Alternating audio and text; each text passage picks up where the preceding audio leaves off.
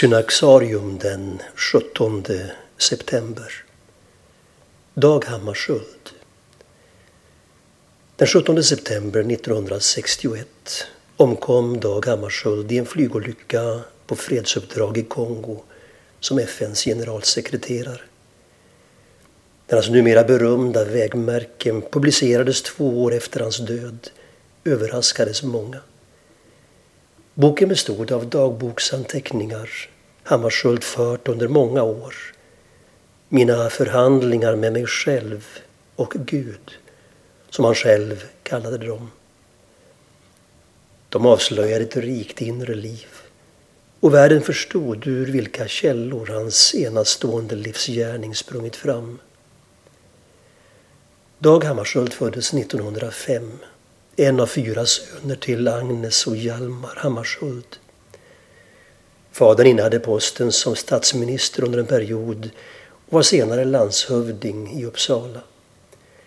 Den unge Dag började läsa nationalekonomi, blev docent vid 28 års ålder och kort därefter vidtog hans bana i nationens tjänst. Han var statssekreterare i finansdepartementet åren 1936 till 45 kabinettssekreterare i UD 1949 till 51. Hela tiden förblev han, liksom sin far, partilös och vid dennes död 1954 valdes Dag in i Svenska Akademin. Från det att han 1953 utnämndes till FNs generalsekreterare, den avgörande yttre händelsen i hans liv, och ett ämbete han med förkrossande majoritet omvaldes till 1957 skulle han för återstoden av sin levnad befinna sig i världspolitikens centrum.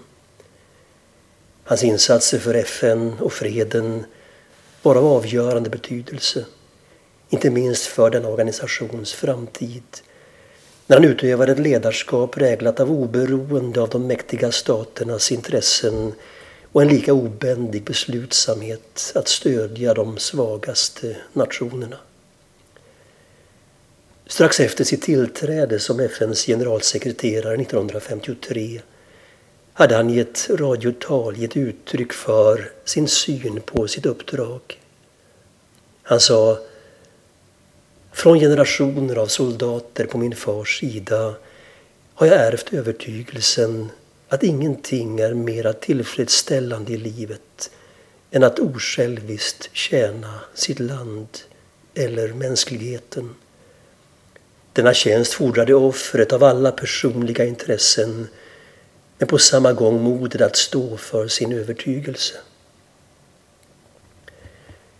Hemligheten till Dag Hammarskjölds liv kan sammanfattas i några av hans egna ord när han skriver det oerhörda, att vara i Guds hand. Där, i Guds hand, fann han sitt livs djupaste bekräftelse. Den som skänker ett oberoende av denna världen. Som han uttrycker det, den som lämnat sig själv i Guds hand står fri mot människor. Och där tog han ut kompassriktningen. Om jag får fortsätta fastare, enklare, tystare, varmare.